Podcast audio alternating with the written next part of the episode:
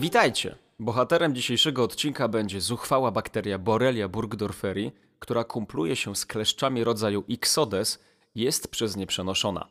Ta odkryta stosunkowo niedawno, bo w 1982 roku bakteria powoduje chorobę, o której na pewno już słyszeliście, czyli boreliozę. Jakie są jej objawy i kiedy jest konieczna antybiotykoterapia? Czy zawsze ugryzienie przez kleszcza oznacza zachorowanie na boreliozę? I w końcu, czy warto zbadać kleszcza, którego sami sobie wyciągniemy? Zapraszam Was serdecznie na podróż w krainę kleszczy.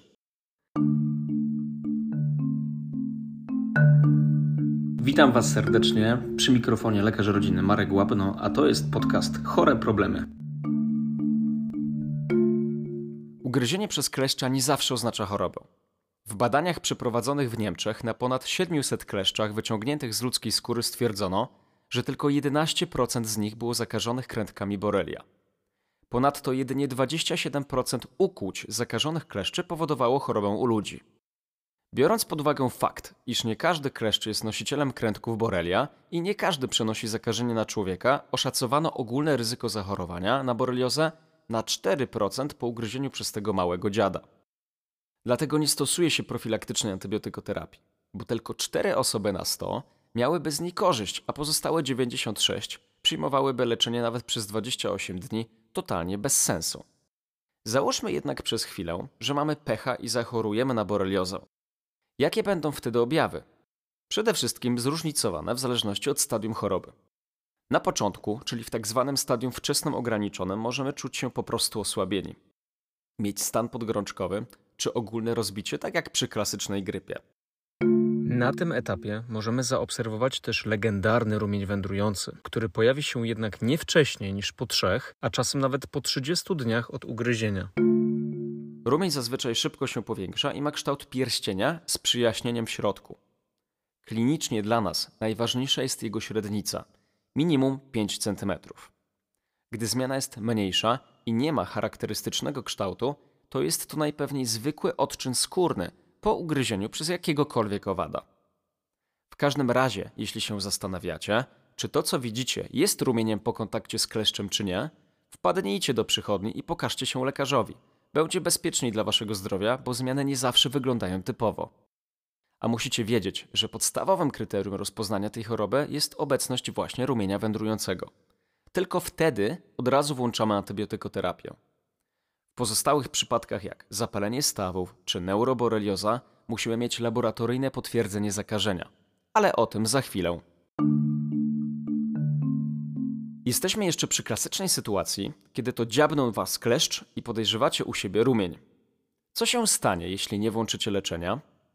U chorych nieleczonych antybiotykami wszystkie objawy ogólnoustrojowe ustępują w ciągu 4 do 12 tygodni. U niektórych jednak niezbyt nasilone dolegliwości utrzymują się jeszcze kilka lat lub rozwijają się przewlekłe objawy stadium późnego. Mogą być pierwszym i jedynym objawem boreliozy nawet kilka lat po zakażeniu, np. zapalenie stawów. Mówiąc o wczesnym stadium boreliozy, powinniśmy wspomnieć o tzw. Tak chłoniaku limfocytarnym skóry, który jest dość rzadkim znaleziskiem i wygląda jak mały guzek okolicy płatka ucha, sutka lub moszny. Warto przyjrzeć się więc tym okolicom po ugryzieniu przez kleszcza. Bo nie pomyślelibyście od razu, że jakaś mała grudka na uchu ma związek z boreliozą, prawda? Dobra, teraz ruszamy do kolejnych stadiów boreliozy, czyli tak zwanego wczesnego rozsianego oraz stadium późnego.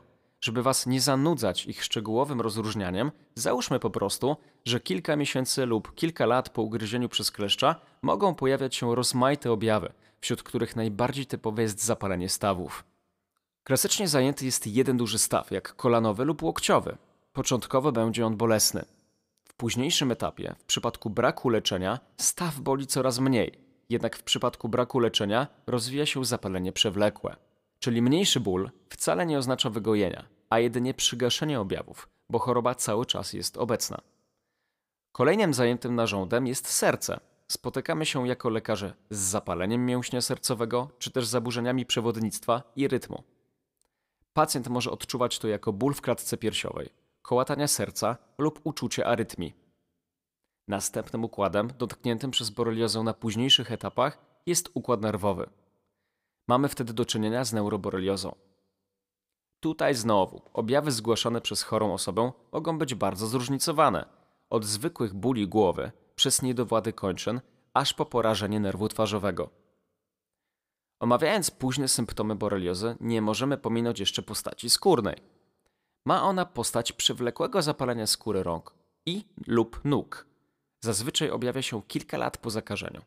Skóra jest cienka, z fioletowym przebarwieniem, pozbawiona owłosienia. Czasem współistnieje z bolesnością okolicznych stawów i zaburzeniami czucia. Teraz diagnostyka tej odkleszczowej choroby. Tylko jedna sytuacja kliniczna pozwala na postawienie rozpoznania bez konieczności wykonania dodatkowych badań. Wiecie już o jaką sytuację chodzi, prawda? Jasne, mówimy o wspomnianym wcześniej rumieniu wędrującym. Jeśli zmiana jest charakterystyczna, od razu włączamy leczenie. Aby ustalić rozpoznanie w pozostałych formach boreliozy, czyli przy zapaleniu stawów, przy kardioboreliozie, boreliozie skórnej czy neuroboreliozie, należy wykonać badania przeciwciał, a przy tej ostatniej nawet badanie płynu mózgowo-rdzeniowego. Stadium późne rozpoznamy, gdy objawy trwają minimum aż 12 miesięcy. Przechodzimy do leczenia. Pamiętacie już, że skoro jest to choroba bakteryjna, to leczymy ją antybiotykami. Tutaj ważna uwaga. Jeśli nie macie żadnych objawów, ale zdecydowaliście wydać trochę kasy, by profilaktycznie oznaczyć sobie przeciwciała przeciwboreliozowe i wyszły wam one dodatnie, nic to nie zmienia w naszym postępowaniu. Nie dajemy wtedy leków. Zaznaczmy, nie leczymy wyników, tylko pacjenta. Powtarzano nam to przez całe studia. Nieważne jak wysokie są przeciwciała. Gdy mamy osobę bez objawów, to po prostu nie przepisujemy recepty na antybiotyk.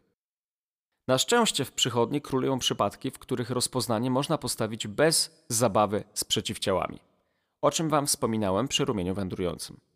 Leczenie trwa między 14 a 28 dni w zależności od typu choroby.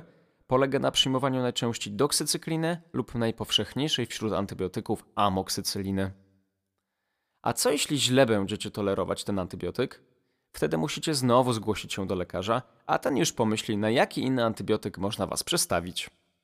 Pamiętajcie o stosowaniu probiotyków w trakcie antybiotykoterapii przez okres do 6 tygodni jeszcze po jej zakończeniu. Czasem występują nawroty objawów wymagające powtórnej terapii. Trzeba je odróżnić od utrzymywania się stopniowo słabnących dolegliwości, które mogą utrzymywać jeszcze kilka tygodni po zakończeniu leczenia. Jak myślicie, jakie jest rokowanie w tej chorobie? Otóż właściwa antybiotykoterapia we wczesnym stadium choroby zapewnia wyleczenie w ponad 90% przypadków. U pozostałych chorych mogą wystąpić późne objawy ze strony układu nerwowego, stawów i skóry. Jak można zapobiegać boreliozie? Dbajcie o odpowiednią odzież w rejonach szczególnie kleszczowych, czyli długie rękawy, czapka i jasne ubranie, dzięki któremu łatwiej zauważycie kleszcza. Zwracajcie uwagę na całe ciało po przebywaniu w lesie lub po dłuższych eskapadach w terenie. Pachwiny, pachy, okolice za małżowinami usznymi czy fałdy skórne mogą nie być pierwszym miejscem, któremu się przyjrzycie, a zdecydowanie warto. Stosowanie repelentów, czyli środków odstraszających owady na odkryte części ciała też ma sens. Pamiętajcie tylko, aby ich nie stosować w okolicy oczu i ust, ani pod ubranie. Unikajcie preparatów łączących repelent i filtr UV. Tu znów sprawdza się stare porzekadło, że jak coś jest do wszystkiego, to jest. No właśnie. Najważniejszą rzeczą zapobiegającą boreliozie jest wczesne wyciągnięcie kleszcza. Nie należy go jednak wykręcać, wydrapywać ani wyciskać, gdyż zwiększa to ilość wymiocin i śliny pajęczaka wydalanych do krwi, a także zwiększa ryzyko zakażenia. Przejdźmy na koniec do obalenia najczęstszych mitów towarzyszących boreliozie. Przed chwilą mówiliśmy o wczesnym wyciąganiu ze skóry kleszcza. Wśród pacjentów pokutuje jednak mylne przekonanie, iż pasożyt ten zawsze powinien zostać wyciągnięty w całości. Oczywiście, tak byłoby najlepiej, ale nie zawsze jest to możliwe. Często bywa tak, że wyciągniecie kawałek kleszcza, ale w skórze pozostanie wam jego głowowa część. Należy podkreślić, że nie zwiększa ona ryzyka zakażenia boreliozą i wystarcza wtedy sama dezynfekcja. Przysłowiowe męczenie skóry w takiej sytuacji jest po prostu błędem w sztuce. Wiele osób mówi, że jeśli wyciągniesz kleszcza w ciągu 12 godzin, to nie ma się czym przejmować. Jasne, wczesne wyciągnięcie intruza zmniejsza ryzyko zakażenia boreliozą, jednak pamiętajcie, że nie niweluje go całkowicie.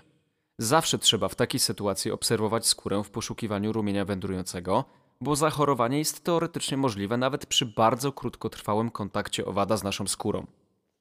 Kolejny mit dotyczy szczepień ochronnych. Nie, przeciwko boreliozie nie ma jeszcze szczepionki. Istnieje jednak szczepienie przeciwko odkleszczowemu zapaleniu opon mózgowo-rdzeniowych, bardzo niebezpiecznej i raczej rzadkiej chorobie przenoszonej również przez kleszcze.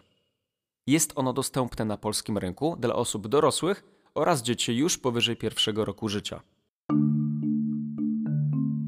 Ostatnią kwestią, na którą pragnę Was uczulić, są firmy zachęcające do badania kleszcza, którego wyciągniecie sobie ze skóry pod kątem boreliozy. Jest to absolutny mit i nieprawda, że zbadanie kleszcza ma jakikolwiek wpływ na postępowanie z pacjentem według najnowszej medycyny opartej na faktach. Nie dajcie się więc złapać na takie badanie. Szkoda Waszego czasu, zdrowia i pieniędzy. Tymczasem, pomnij moich rad, przemierzajcie lasy bez zbędnych spotkań z tymi dokuczliwymi pajączakami. Jeśli jednak się już spotkacie, nie panikujcie od razu i działajcie metodycznie. Do usłyszenia w następnym odcinku.